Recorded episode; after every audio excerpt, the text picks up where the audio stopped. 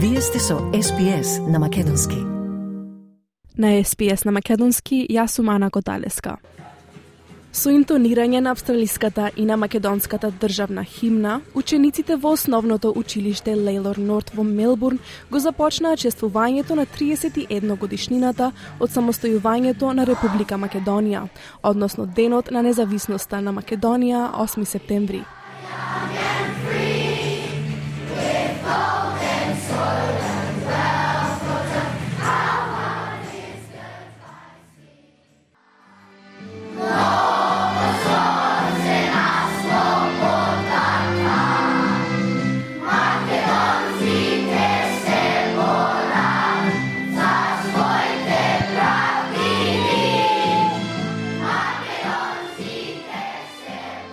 По две годишна пауза поради пандемијата со COVID-19, учениците го чествуваат Денот на независноста, како и Меѓународниот ден на писменоста со настапи од секое одделение со песни и ора на македонски и на англиски јазик.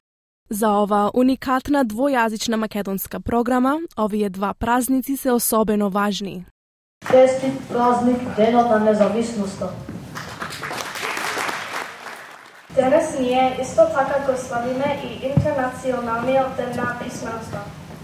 Ние сме многу сретни што имаме можност да учиме не само на еден, туку на два јазика во македонската двојазична програма при нашето училиште.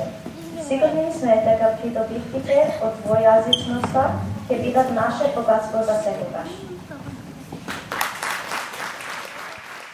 Учениците, некои облечени во боите на македонските носии, а некои во костуми на забавни карактери од приказните, весело танцуваа и рецитираа на големата сцена.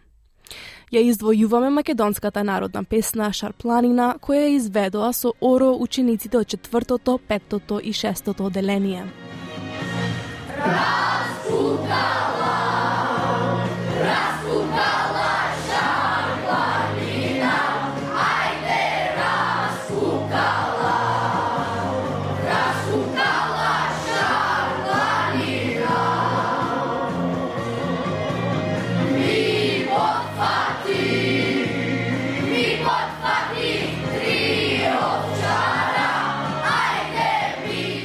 Учениците од подготвителното и првото одделение, кои за прв пат учествуваа во приредбата за 8 септември, настапија со песната Азбука.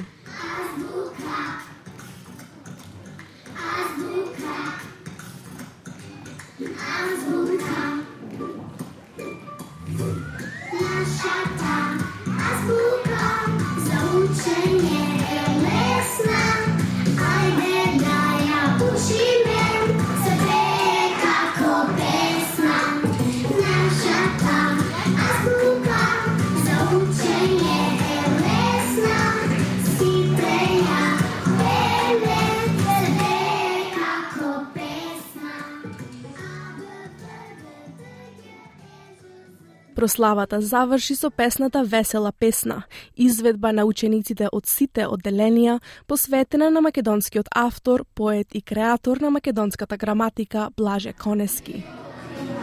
Yes.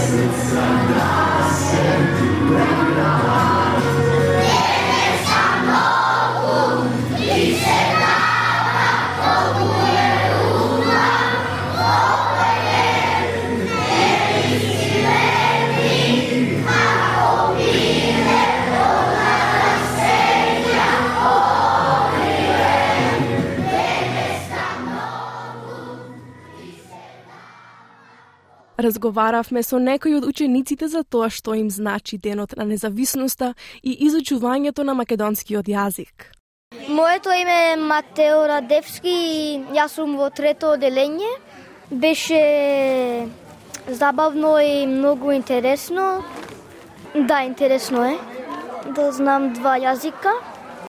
Клеопатра Котевска ми името. Оделение? Четврто оделение. Колку долго го изучуваш македонскиот јазик? Од преп.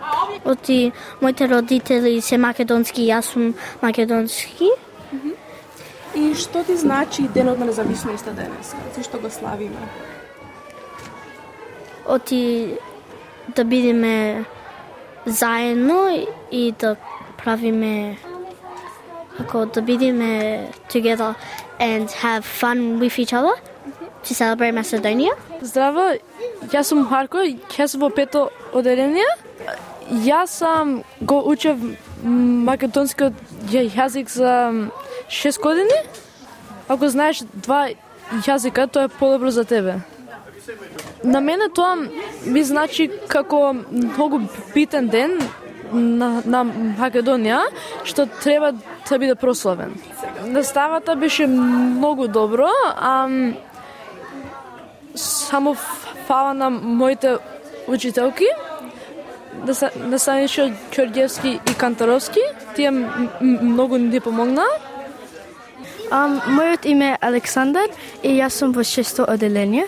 Зошто го изучуваш јазик? Um, мојот мама и тато и мојот фамилија се македонски и сакат мене јас се зборам македонски да бидат како еден фамилија што зборат македонски.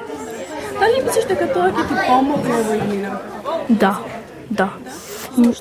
Мислам бидејќи ќе помага um, за бидејќи ако стар луѓе не знаат um, англиски и знаат македонски, можам јас да помагам. Разговаравме и со председателката на Македонското учителско друштво на Викторија, Јованка Смилевска, за тоа што значи 8 септември за училиштето и за студентите во Лейлер Норт. А, овој ден, 8 септември, е значаен за учениците во нашето училиште, бидејќи на овој ден се одбележува независноста на Република Македонија и заради тоа тие прославуваат и секогаш изведуваат точки на двата јазика, на англиски и на македонски.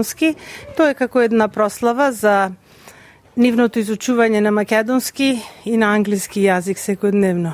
А денот на писменоста кој што е прогласен од ЮНЕСКО.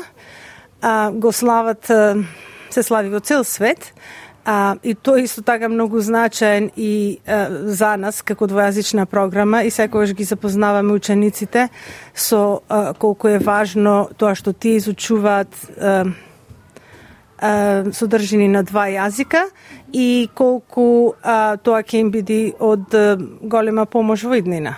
Па ние во текот на годината ги одбележуваме сите значајни денови за Македонија, како на пример Илинден, а, може би не со посебни теми, а, но на тој ден одбележуваме и кажуваме за значајноста на тој ден и зошто е значаен и за а, македонскиот јазик, за македонската историја, така да и тие се запознати дека ова е прослава за независноста на Македонија и а, тоа се обработува предходно, но на, на овој ден секогаш се прави или на 8 или пред 8 септември се одбележува и се означува тој ден.